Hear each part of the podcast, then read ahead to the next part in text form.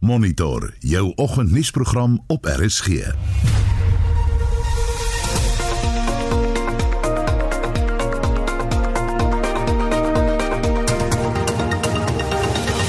Dankie Rensken aan die program vanoggend Landbouvereniging sou vandag 'n optog in Henneman na die moord op Pieter Heels en sy seun Eddie.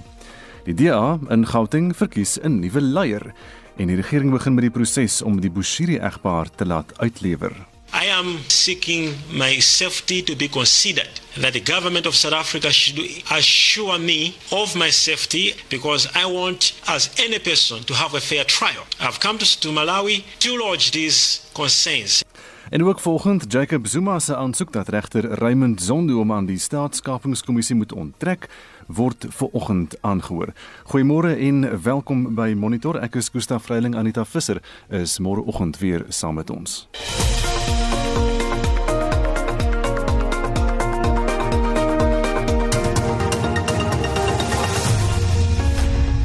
Dis nou 12 minute oor 6 uur by Monitor op RSG en 'n oorsig nou oor die koerant voorblaaie van Maandag, die 16de November.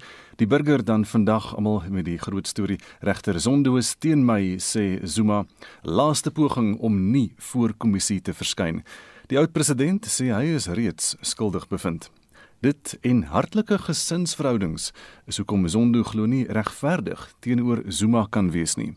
Ook 'n berig vanoggend in die burger fietsryer sterf na BMW groep tref en die motor se 28-jarige eh, bestuurder is vir dronk bestuur en 'n strafbare manslag in hegtenis geneem deur die polisie in Atlantis uit op die Weskuspad in die groep fietsryers ingery.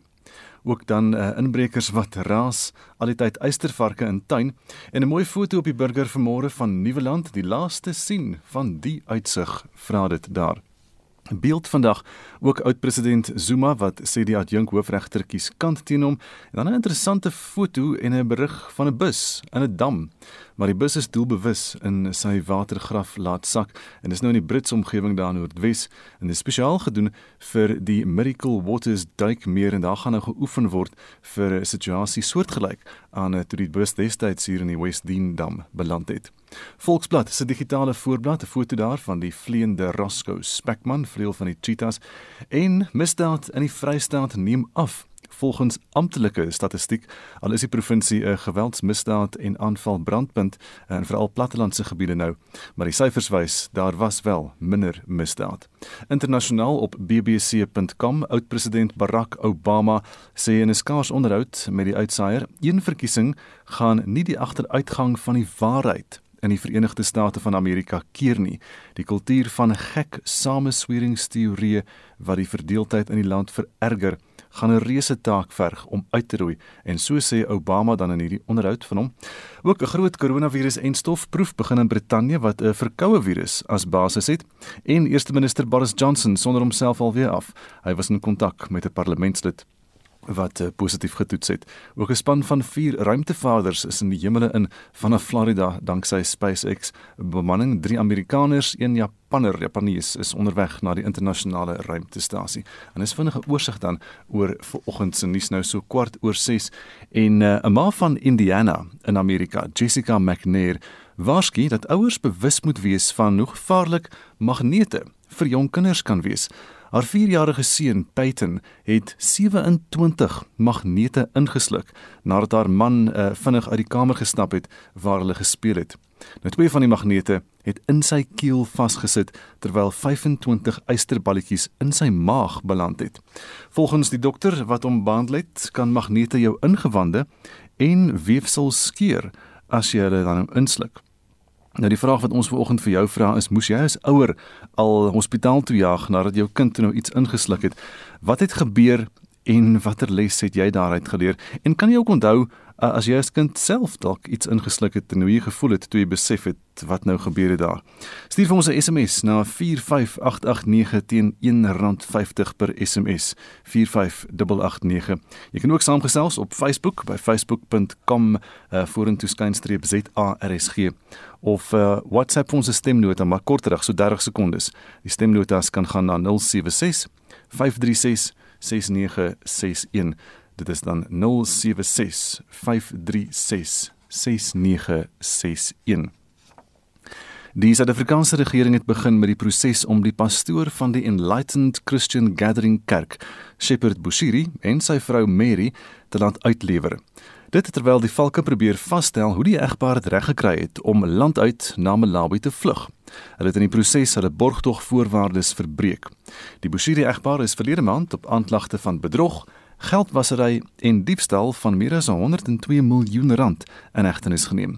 Justin Kennerly het meer.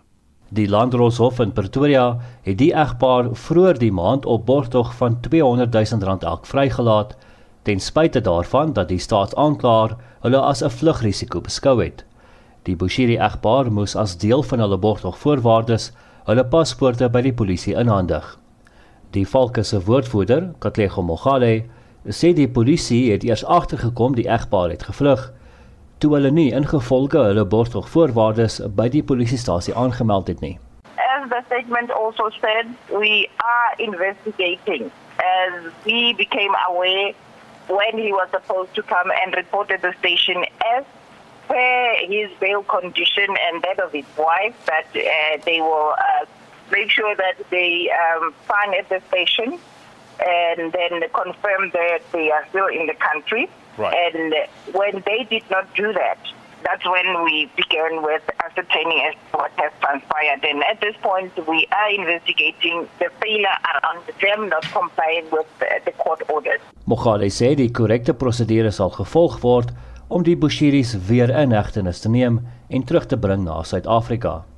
law enforcement agencies, there is policies and regulations that we should follow, and we are doing that. And with regards to speaking to these other countries, for that matter, there is processes that we must follow through ministries and such. Die Bushiris en drie mede-beskuldigdes staan tereg op aanklagte van geldwasery, bedrog en korrupsie. Hulle saak sou volgende jaar aangehoor word. Bushiri het intussen die Malawiese regering gesmeek om in te tree in sy saak in Suid-Afrika. Hy het op Facebook gesê hy en sy vrou het na Malawi gevlug omdat hulle doodstrygemente in Suid-Afrika gekry het. Bushiri beweer ook dat hy in hegtenis geneem is nadat sommige polisiebeamptes vals getuienis oor hom aan die valke voorgelê het. I'm here in Malawi because I'm a citizen of this country. Therefore, I have come to seek for my government intervention over the following issues I'm going through in South Africa. One, that my safety in South Africa is not okay. I am seeking my safety to be considered. That the government of South Africa should assure me of my safety because I want, as any person, to have a fair trial. I've come to, to Malawi to lodge these concerns, and I hope to do that on Monday. That the Malawi government should intervene. I am partially, temporarily in Malawi to lodge these serious concerns to the government. Hy ontken dat hy voortvlugtend is en sê hy is bloot bekommerd oor sy veiligheid. In February this year, I almost got shot in Santon at a filling station. I opened a curse. In South Africa, there is a foot. The Santon police, they are aware of this case. They even have a footage where my life was at a risk. I almost got shot. And until today, nothing has been done. Bushiri het sy regspan ingelig om 'n dringende aansoek by die Pretoriaanse Landdroshof in te dien om te keer dat sy borgtog teruggetrek word. As part of my bail conditions in South Africa, they said I should not comment anything. I should not say anything. What does that tell you? Now, am I having my rights? I shouldn't say anything. We have got human rights, and one of the rights is, you know, freedom to speech and expression. I can't express myself. I can't express my feeling over this case because they said I should not say anything as a bail condition. Kerklidmate is verbied om met die media te praat. Inwoners van Pretoria het gemengde gevoelens uitgespreek oor die Bushiris se aksies. Apparently, they were saying that you know that guy was being accused from some allegations whereby other people didn't have proof of. You understand? Because he tried to come clean on everything. He was not supposed just to go. He was supposed to speak with the government and say, this is the situation. How did he run away? Where did he get that passport to escape the country? I think somewhere, somehow, he was involved with the government. Maybe the government helped him to run away. Die Malawiese regering ontken dat hy die egpaar gehelp het om te vlug te midde van 'n diplomatieke geveg wat na bewering aan die broei is tussen Suid-Afrika en Malawi. Die verslag is saamgestel met behulp van Faniel Shuma in Pretoria. Ek is Justin Kennerly vir SAK nuus. Nou ons bly by die storie vir oomblik en politieke partye het skerp gereageer op die nuus dat die Bushiri egpaar landuit gevlug het. Estie de Klerk het meer. Die DA se skademinister vir binnelandse sake, Angel Kanyile, sê die minister, Aaron Matsoaledi, moet dringend voor die parlement verskyn om verslag te doen oor sy departement se versuim om toegangspunte doeltreffend te bestuur en te beveilig. We want Minister Mutwali to come to Parliament and come in account and tell us how did the prophet uh, leave the country without the passport because we understand that him and his wife they've given their passport to the NPA while they were given their bail and also he needs to tell us how they acquired their South African uh, citizenship. Cope se woordvoerder Dennis Bloem het die voorval as 'n internasionale verleentheid beskryf. It is not the first time that such a high profile person is escaping from our country. The Sudanese president, Omar al Bashir, was helped and escorted to the airport. We are expecting that the ministers of justice, police, intelligence, home affairs must give answers to this international embarrassment. Nkuleko Slengwa van die IFP soek antwoorde van wetstoepassingsowerhede en die verskeie ministers. We can only hope that a thorough investigation will yield the necessary results insofar as understanding better how Mr. Bushiri escaped South Africa. It cannot be that we will allow citizens of this country to actually be expected to conform and comply with the rule of law and yet have foreigners coming in and out as they please and literally show the middle finger to the South African law enforcement processes and the judiciary. Dit was Nkuleko Slengwa van die IFP. Die verslag is saamgestel deur Nomaliso Mandela in Johannesburg en ek is Estie de Klerk vir SAK nuus.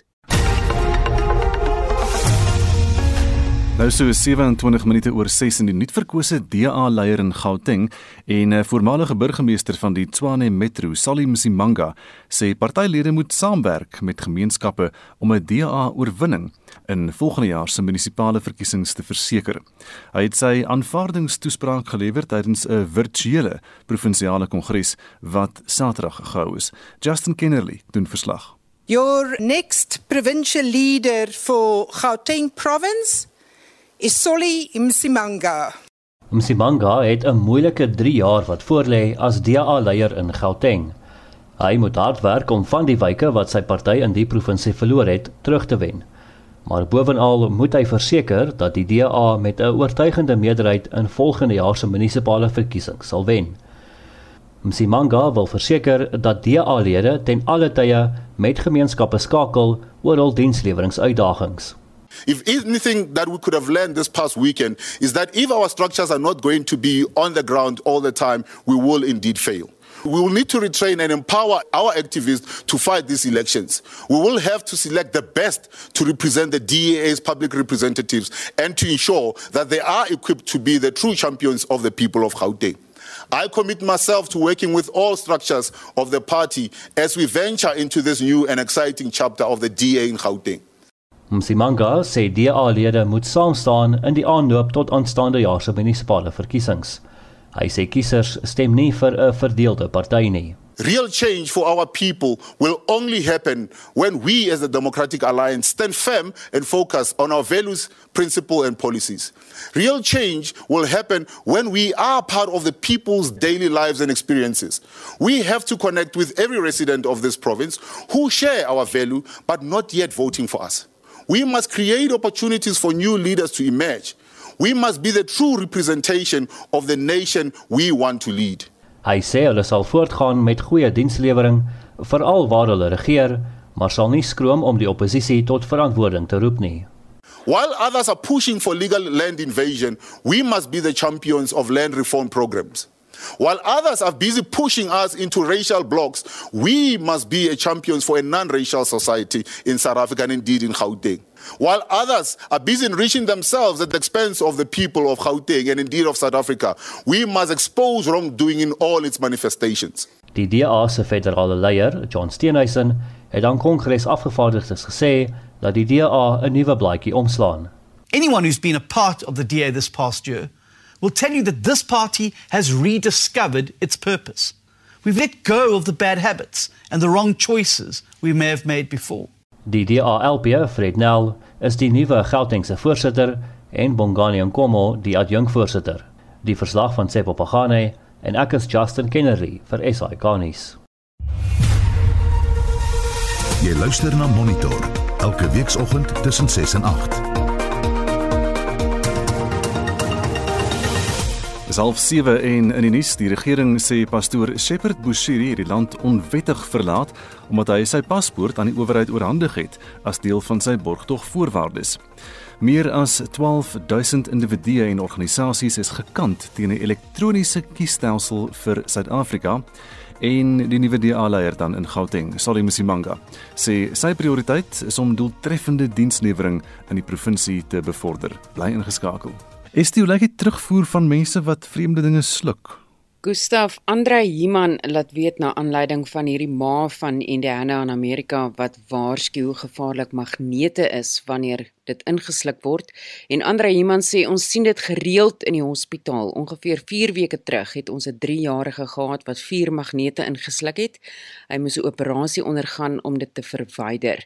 Die magnete veroorsaak weefsel nekrose in die ingewande en dit kan lewensgevaarlik wees. Asseblief ouers moenie vir julle kinders klein magnete gee om mee te speel nie en so sê Andre Himan. En Kilian skryf my dogter van 2 te naald in die hande gekry en my tante was by haar en sy het gesê sy dink die kind het dit ingesluk.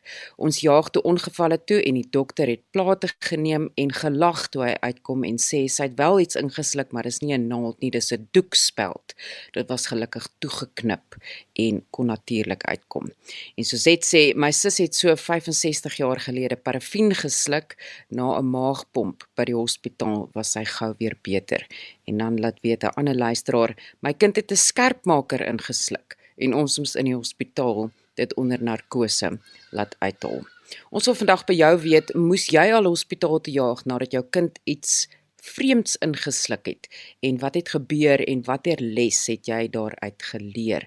En het jy dalk as kind iets vreemds ingesluk? Stuur vir ons 'n SMS na 45889 onthou dit kos R1.50 gesels saam op ons Facebookblad by facebook.com vorentoe skynstreep ZARSG of WhatsApp vir ons stemnota na 076 536 6961 25 minute voor 7 en hier is Shaun Joosten nou met vanoggend se sportnuus. Kom ons kyk na van die naweek se uitslae. In die plaaslike Super Rugby reeks het die Stormers die Cheetahs met 30-13 en die Sharks vir Griquas met 34-33 geklop. Die wedstryd in Johannesburg tussen die Lions en Pumas is weens COVID-19 regulasies uitgestel. Argentinië het vir 'n groot opskudding in die Drie Nasies toernooi gesorg toe hulle Nieu-Seeland Saterdag in Sydney met 25-15 uitoorlê het. En in die eerste ronde van die Herfsnasies beker het Engeland vir Georgië met 40-0 en Ierland vir Wales met 32-9 afgeronsel. Skotland het 28-17 in en teen Italië gewen. Golf. Die wêreldnommer 1 van Amerika, Dustin Johnson, het die titel by die 84ste Meesterstoernooi by Augusta met 'n eindtelling van 20 goue onder die baansyfer ingepalm. Suid-Afrikaanse Dylan Fratelli was gesamentlik 5de op 11 onder en Emily Peterson van Denemarke het die trofee by die vroue toernooi in Saudi-Arabië gewen nadat sy Engeland se Georgia Hall in 'n valbilstryd geklop het. Beide spelers het op 10 onder geëindig. Die vier Suid-Afrikaners kon dit nie verby die afsnypunt maak nie. Sokker. Banyana Banyana het hulle sewende vroue Kusafa kampioenskapstitel verower toe hulle Botswana Saterdag met 2-1 getroof het. Onthou gerus Bafana Bafana kom vandag in Port Elizabeth by die Nelson Mandela Bay Stadion weer in 'n Afrika Nasies beker kwalifikasiewedstryd teen Sao Tome en Principe te staan. Gisterand in die Europese Nasies Liga toernooi het België 2-0 teen Engeland en Italië ook 2-0 teen Pole geseëvier. Van Saterdag se tellings was Duitsland 3, Oekraïne 1, Swede 2, Kroasie 1 en Switserland 1, Spanje 1. Portugal het 1-0 teen Frankryk verloor. Motorsport. Die Brit Lewis Hamilton het eerste oor die wenstreep in gister se Turkse Formule 1 Grand Prix gejaag en ook sy sewende wêreldtitel ingepalm. Sergio Perez van Mexico was tweede met die Duitser Sebastian Vettel derde. Die Italianer Franco Morbidelli was die wenner van die MotoGP wedren in Valencia in Spanje met die Aussie Jack Miller tweede en die plaaslike Paul Espargaro derde. Suid-Afrika se Brad Binder het 50 geëindig en die plaaslike Johan Mire was sewende en dit was genoeg om aan hom sy eerste wêreldtitel te besorg. Darren Binder het ook vyfde in die Moto3 wedren geëindig. Laastens in tennisnuus. Die ATP Tour finale het gister in Londen afgeslaan. Die wêreldnommer 2 van Spanje, Rafael Nadal, het 6-3 en 6-4 met die wêreldnommer 8 van Rusland, Andrei Rublev, afgereken. Die nommer 3, Dominic Thiem van Oostenryk, het 7-6, 4-6 en 6-3 teen die Griek en nommer 6 Stefanos Tsitsipas geseëvier. Die wêreldnommer 1, Novak Djokovic van Servië, speel vandag teen die nommer 9 van Argentinië, Diego Schwartzman, en die nommer 4 van Rusland, Daniel Medvedev, teen die nommer 7 van Duitsland, Alexander Zverev. Die Italianer Jannik Sinner het met die louere by die manstoernooi in Bulgarië en Arina Sabalenka van Belarus met die louere by die vroue toernooi in Oostenryk weggestap. Shaun Schuster, SAK Sport. Is 22 minute voor 7 by Monitor op RSG. Nou meer as 12000 geskrewe betoë teen die beplande elektroniese verkiesingsproses is ingestuur na die parlement se portefeulje komitee vir binnelandse sake. Daarna het die komitee die verkiesingskommissie gevra om aandag te gee aan hierdie teenkanting teen so elektroniese kiesstelsel. Nou een van die organisasies wat beswaar gemaak het, is die Instituut vir Rasseverhoudinge en vir meer hieroor praat ons nou met die instituut se adjunkhoof van beleidsnavorsing Herman Pretorius. Herman, goeiemôre. Goeiemôre Gustav, dankie dat ek hier by julle mag wees. So, hoekom is julle so gekant teen hierdie voorgestelde wetgewing oor 'n elektroniese kiesstelsel? Dit word oral in die wêreld gebruik. Kyk, ja, dit word uh, op verskeie plekke in die wêreld gebruik en nêrens met uitsonderlike uh, mate van sukses nie. Ons sien in uh Swede en Nederland en sien selfs nou die vraag wat gevra word oor die uitslaa of wys of onwys in Amerika. En ek dink in 'n jong demokrasie soos Suid-Afrika moet ons uitsonderlik beskermend wees van die integriteit van ons kiesstelsel. En een van die probleme wat mense in die gesig staar met so 'n uh, kiesstelsel is die vlak van tegniese vaardighede vir observeerders sal ongelooflik hoog wees en dalk die vermoë van politieke partye om dop te hou by die telpunte wat aangaan 'n bietjie belemmer. So verwag julle bedrog met so 'n stelsel? Nou, kyk, dit is ehm um, dis nie dis daar 'n uh, ongelooflike groot probleem in opsigte van die koste van so 'n stelsel. Daarso is nie werklik 'n uh, uh, ekonomiese impakstudie hierso gedoen oor so 'n stelsel nie. Wat ons meer het is 'n uh, 'n uh, onskynlike skadelose stuk wysigingswetgewing wat in een van sy klausules amper insmokkel dat die OVK, die onafhanklike verkiesingskommissie, uh, die kiesstelsel van die land eenparig sonder enige verdere uh insette kan verander. Dit is 'n baie baie riskante manier om wette te maak en dit is amper 'n onregmatige delegasie van hierdie besluitneming uh van die parlement waar die publiek kan deelneem, waar daar konstitusionele uh wigte en teenwigte is na 'n hoofstuk 9 instansie. Dan kyk ons na die probleem van die integriteit van verkiesings. Verwag mens bedrog? Ek dink in enige demokrasie moet mens so jy jy beplan vir die ergste en hoop vir die beste. Hmm. En die probleem hier is ons sit met 'n situasie waar die ANC gevaarlik naby kom aan 50% van hulle steun verloor en ons dink hulle sal nogals baie doen om aan daai steun te wil klou. Kan 'n elektroniese stelsel dalk help uh, met met geloofwaardigheid wat voor gereeld uh, foto's rondgestuur op sosiale media met verkiesingstye dan is daar nou 'n klomp eh, stembriefies wat op 'n as hoop gevind is en so langs 'n pad gegooi is. Ehm um, sal dit kan help miskien om om daardie goed uit die weg uit te ruim? Wie jy die papier stembriefstelsel is nie foutloos nie. Dit glad nie immuun teen sy eie gebrekkighede nie. Maar ons sit met 'n situasie waar jy moet gebrekkighede teenoor gebrekkighede opneem. En die tradisionele papier stembriefstelsel het nie die vlak van ingeboude sekuriteit wat 'n elektroniese stelsel nie het nie. Onder andere nie net die die die tel van stembriewe om by elke punt van die telproses te kan sien, ah, daar gaan die stembriefie hy word getel nie, maar ook met die hoë tegniese vaardighede wat benodig is om aan die einde van die proses te kan terugkyk en sien waar daar uh, regmatige oordrag van besit van daai stembriewe was. So dit is onnodig duur, onnodig kompleks en dit los nie werklik enige probleme op om na so 'n stelsel oor te gaan nie. Wat van uh, die voorsitter van hierdie komitee, Bongani Bongo, hy sê in 'n nuusverklaring dat uh, Suid-Afrika nou saam met tegnologie uh, soos die uh, die 4de nywerheidsrevolusie moet voortgaan en dan mense nuwe vaardighede leer in die proses. Ek dink dit is altyd gevaarlik wanneer mense politici uh, toelaat dat hulle ambisieuse retoriek van watter revolusie ook al ons tans op staan toelaat om die integriteit van die demokratiese proses te affekteer. Ons hoor baie van hierdie vierde demokratiese revolusie en klomp dele van die land sukkel hulle om by die eerste of die tweede ene uit te kom. So om te fokus op die vierde industriële revolusie asof dit 'n teenargument is vir alle probleme teen e kiesstelsels, dink ek is 'n bietjie om uh, politici soos meneer Bongo te veel tyd en te veel argumentatiewe gewig te gee aan blote retoriek. So natuurlik moet ons tegnologies uh, vorder, maar daar is diep diep vrae wat ons moet vra oor die integriteit van ons toestelsel in 'n land waar instansies soos die OVK of stuk 9 instansies reeds polities kwesbaar is vir inmenging en dat daai inmenging dalk ten koste kan wees van die vryheid en regverdigheid van to toekomstige verkiesings.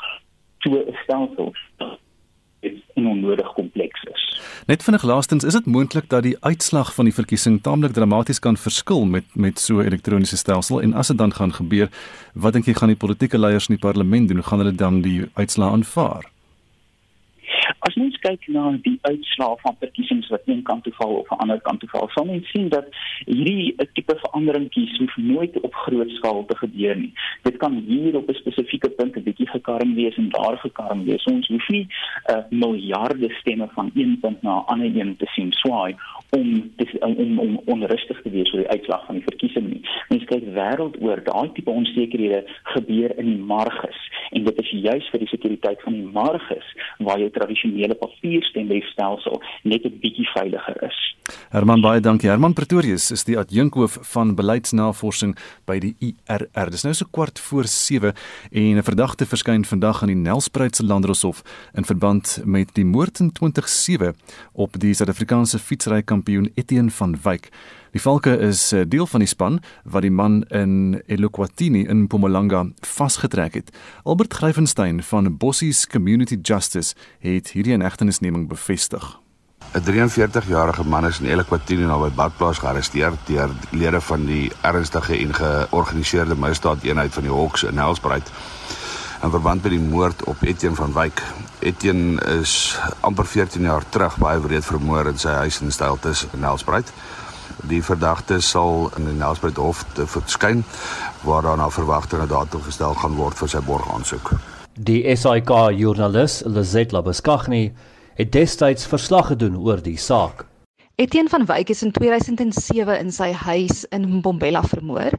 Hy het onlangs in die huis in Spoetnikstraat in Stiltes ingetrek en daar was 'n groot natuurreservaat agter sy huis. Ons verstaan dat hy so ongeveer 8 uur daardie aand nog met 'n vriend van hom oor die foon gesels het en vir hom gesê sy honde blaf buitekant en hy gaan ondersoek instel om te kyk hoekom hulle blaf. Die volgende oggend het sy huis en tuinwerker um, gekom vir werk, maar hulle kon nie in die huis inkom nie. Hulle het toe gevra dat een van Etienne se werknemers die huis moet kom oopsluit en dit was ook sy wat toe op Etienne se liggaam afgekom het. Ons het op daardie dag op die toneel uitgevind dat hy verskeie wonde aan sy liggaam gehad het en ook 'n groot wond agter aan sy kop waaraan hy 10-10-1 dood is. Tot vandag toe dink sy nog gereeld aan die storie. Ek het nooit vir Etienne van Wyk geken nie.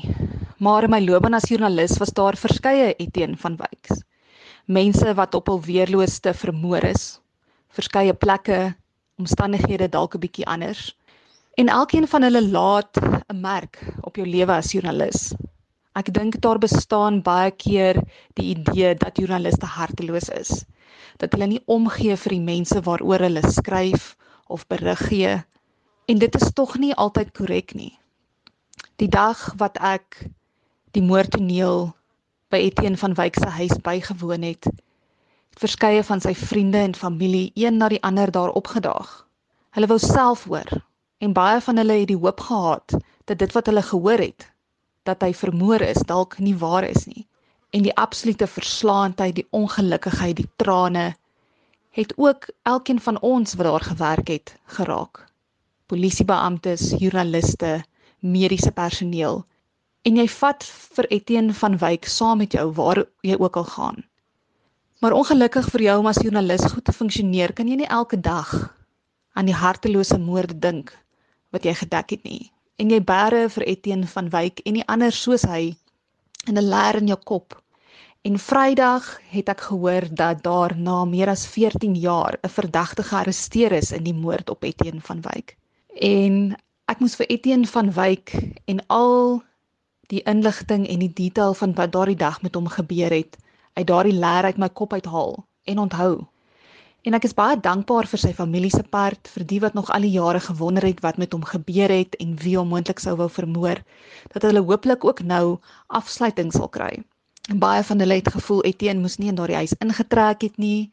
Hy moes nooit alleen gaan bly het nie en as hy moontlik iewers anders was, hy nie vermoor sou word nie. Ons hoop dat deur die hofproses al hierdie vrae van hoekom hy dood is en wie hom doodgemaak het ook beantwoord sal word. En in 'n mate dink ek bring dit ook vir jou as joernalis afsluiting. Dit was Lizet Labeskagni, 'n verslaggewer by die SAK. Ek is Justin Kennerly vir SAK nuus. Dit is nou so 11 minute voor 7 en die minister van openbare ondernemings, Pravin Gordhan, sê 14 miljard rand word benodig vir die herstrukturering van ons beleerde nasionale lugdiens, die SAL. Aanvanklik sou die lugdiens 10,5 miljard rand benodig het. En vir meer hieroor praat ons nou met die hoof van die Vrye Mark Stichting, Leon Lou. Leon, goeiemôre. Goeiemôre aan jou Gustaf en die aan die luisteraars en jou kollegas in die ateljee. So Leon, professor Janie Resou van Wits eh, se skool vir ekonomiese en sakewetenskappe, hy het voorspel dat die geld om SAL te red baie meer gaan wees toe hy laas met ons gepraat het. Hier sy skatting was so 17 miljard rand. Het jy hierdie aankondiging van die minister nou verwag? Uh, ons het dit verwag, maar ons moet verstaan dis nie herstrukturering nie. Dis glad nie die geval nie. Dis eintlik 'n likwidasieplan. Uh dis om uh, werknemers af te dank, dis om uh vir hier van vliegrye af te betaal.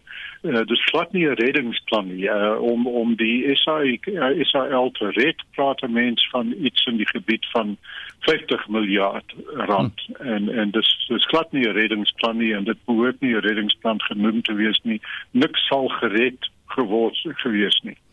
En ons praat hier van 'n bedrag die 50 miljard wat hy uh, totale bedrag bring in die gebied van 80 miljard. Praat ons van die 15 of 14 en 'n half miljard van in die gebied van 150 hophuise of behuising vir 600 000 mense of 1500 klinieke of uh, praat 'n mens moontlik van um, van 30 hospitale met 300 beddens of dis wil sê hospitaalbeddens vir amper 100 000 mense. Dis wat hier gemors word. Jy praat van 50 miljard rand, dis geweldig baie. Dink jy hulle sal hulle sal soveel gee en en en op watter stadium raak dit soos 'n bodemlose put? Op watter stadium kan die lugdiens nie genoeg handel dryf om regtig 'n omkeerstrategie uh, te bewerkstellig nie? Wel, dit het al lankal gebeur. Uh, al wat nou kan gebeur is moontlik dat hulle begin vlieg en dan uh, die verliese, die lopende verliese vir 'n paar maande kan uh, kan finansier hiermee, maar daar is geen uh moontlikheid om te belê in nuwe vliegtye nie of om nuwe huurkontrakte aan te gaan nie. Dis 'n operasionele verlies vir 'n paar maande, minder as 'n jaar wat die, wat met hierdie uh 14 en 'n half 'n miljard gefinansier kan word. So dis dis glad nie herstrukturering nie, dis glad nie kapitalisering nie, daar is niks daarvoor nie, dit is bloot om lopende verliese en en afdankings te finansier. So jy sê oor 'n paar maande gaan die geld opwees en, en wat gaan dan gebeur? Wel dit gaan opwees of hulle vlieg of nie vlieg nie, maar dan Hmm. tans vlieg hulle nie en ek weet nie of hulle gaan vlieg nie, maar hopelik nie want hoe meer hulle vlieg, hoe meer verliese is daar. Dit loop net die verliese groter. Elke vlug is 'n nuwe verlies van in die gebied van 'n 1000 rand per passasier per vlug uh, wat ons van praat en uh, as ons kom by Suid-Afrikaanse Express praat jy van in die gebied van van 5 of 6000 rand per passasier per vlug. So hopelik sal hulle nie vlieg nie. Uh, dit sal 'n besparing wees en en hopelik sal hulle net die bedrag gebruik om om werknemers af te betaal en en ander uh, lopende kostes. So mense moet verstaan eh uh, dat die ehm um, eh uh, besigheidsreddingsplan en besigheidsreddingsspan eh uh, die gevolgtrekking getrek het dat hulle basies baie dit is alles alles is afbetaling van skuld Hmm. wat hier gaan gebeur en daar was twee planne een wat wat in die volksraad aangebied was en een wat aan beleggers en en en en ehm um, ehm um, uh nie beleggers nie maar maar mense soos wat vliegtuie verhuur Ja. werknemers en dis meer ehm um, wat hulle aangebied was is twee verskillende planne. So ons weet nie eers hier wat die wat die plan is nie. Maar daar is nie 'n reddingsplan nie. Dit moet met 'n mens verstaan. Dis 'n dis 'n dis 'n likwidasieplan. En om dit 'n reddingsplan te neem is eintlik misleidend. Wat is aan die gang? Hoekom gee hulle so baie geld vir die SAL? Baie mense wonder daaroor en eh, of dit nou ideologies is of wat dit is en en kan nie lekker by die antwoord daarvoor uitkom nie. Die regering self het gesê hy het 'n verantwoordelikheid teenoor hierdie maatskappy van hom en dit het gelyk asof hy hierdie geld moes gee nadat uh, die onderhandelinge om om ander beleggers te kry om in die lugdienste belê nie nie so suksesvol was nie. Nee, en en dis nie duidelik nie. Dit was nooit duidelik nie. Dit dit, was 'n ou uh, lugredery van die apartheid era en die dae toe daar nasionale lugrederye in die wêreld was. Dit was die norm en hulle was redelik suks, suksesvol. Uh maar uh in, in die laaste 25 jaar is meestal uh is hulle afverkoop is is daar baie min staatslugvrederye oor en dis nie nie meer 'n sogenaamde vlagdraer nie. Dis nie iets wat oor waaroor enige mens enige land deesdae soos in die ou dae uh, uh lekker kan voel nie. Dis deesdae eintlik 'n skande om 'n nasionale lugredery te hê. Dit is gewoonlik iets wat gebeur in 'n Pisang Republiek. En uh en en dis nie meer hoekom hulle so verlief is op die uh, Israel en ander verliesmakende staatsondernemings is nie duidelik nie. Uh, hulle het verlief geraak op wat hulle geërf het van 'n apartheid en hulle is bereid om enige iets te enige bedrag geld te mors en jy moet, moet duidelik verstaan dit kom nie van belastingbetalers nie. Hulle gaan nie na belastingbetalers toe nie en sê gee ons asseblief hierdie 14 en 'n 14 en 'n half miljard rand of 15 miljard rand nie. Dis nie waar vandaan die geld kom nie. Waar vandaan dit kom is 'n herverspreiding van geld Hmm. staatsbesteding van arm mense na ryk mense. So dis mense wat hophuise sou ontvang het. Uh, mense wat dienste sou ontvang het, studente wat fooie sou ontvang het. Dit, gaan van armes na wat nie vlieg nie na rykes wat vlieg. Dis 'n dis 'n dis 'n dis 'n herstrukturering van die begroting uh nie 'n uh, 'n uh, uh, bykomende las op belastingbetalers nie. Leon, as as die regering nou van die SAL moet ontslaa raak soos wat jy voorstel, hoe moet as jy nou daar in die ministerie gewerk het, hoe moet hulle dit doen? Hulle sit nou met hierdie tamaletjie, hierdie maatskappy bestaan nou. Ehm um, niemand wil in hom belê nie. Wat moet hulle maak?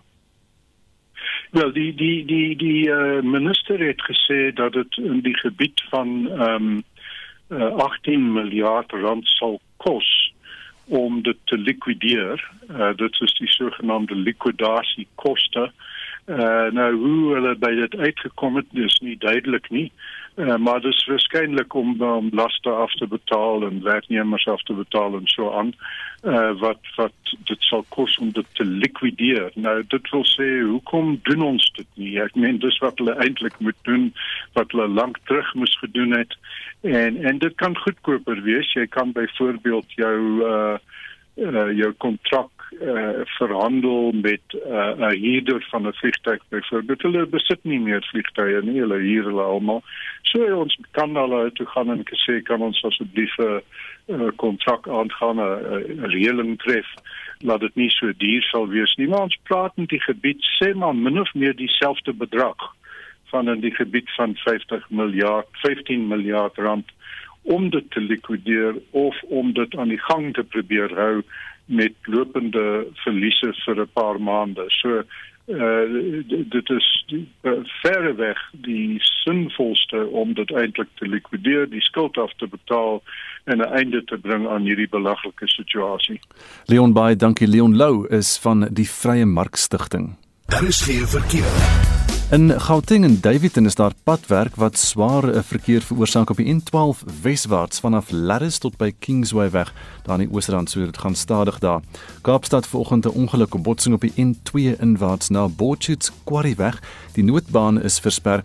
Wees maar versigtig in daardie omgewing. Ek sien op die kameras die verkeer is taamlik stadig daar verby op die N2 vanoggend. In KwaZulu-Natal botsing op die N2 suidwaarts net oorkant die ou lughawe aan die suide van die stad. En dan sê dit hier in Kaapstad eh, N2 inwaarts is daar 'n botsing na Vanguard Reiland noodbaan versper. Dit lyk my dis daardie ongeluk op die N2 vanoggend in die Kaap. Uh, sterkte as jy daar ry vanoggend en kyk maar of jy op 'n ander plek kan verby dit kom.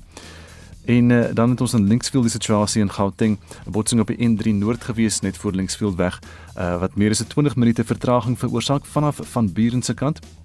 En as gevolg daarvan is daar buffer teen buffer verkeer uh, uit Edenvale uit op die R24 weswaarts vanaf Edenvale weg en dit is beter om maar as jy kan op die M2 en die M1 uh, deur die Johannesburg se middestad te ry en op daai manier uh, na die weste of die noorde te kom.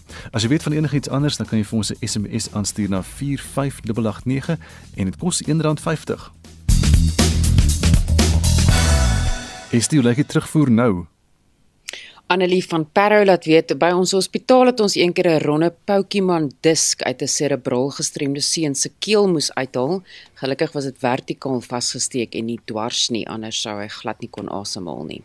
En Ria Elers van Vog wil skryf: "My laatla Marius se graad 1 juffrou het gebel en gesê jou kind het 'n opbaster ingesluk. Ek het skool toe en hospitaal toe gejaag en die ekstrale het dit bevestig. Gelukkig kon dit uitkom." Ingrid Smit sê my kleinseun het 'n spyker ingesluk en Chrissy van der Merwe laat weet ek het Pollemakiesie geslaan met 'n kopspeld in my hand en dit ingesluk. My ma het my witbrood gevoer om die speld toe te maak. Ek het niks oorgekom nie. Ek is weer so half 8 terug met nog van jou terugvoer. Esther de Klerk met die terugvoer daar vanoggend is amper tyd vir die 7 uur nuus net na 7 gesels ons oor die plaasmoord situasie in die Vrystaat. Uh verlede week het dit nogal erg gegaan en daar's vanoggend 'n optog um wat gehou gaan word 'n vreedsame protesaksie in Henneman in die Vrystaat en ons gaan meer daaroor uh, uitvind by uh, François Wilken. Hy is die president van Vrystaat Landbou en ons gaan net na 7 vanoggend met François Wilken dan gesels. Intussen is dit 7 uur en is nou nuustyd volgende op RSG. SAK nuus. Onafhanklik, onpartydig.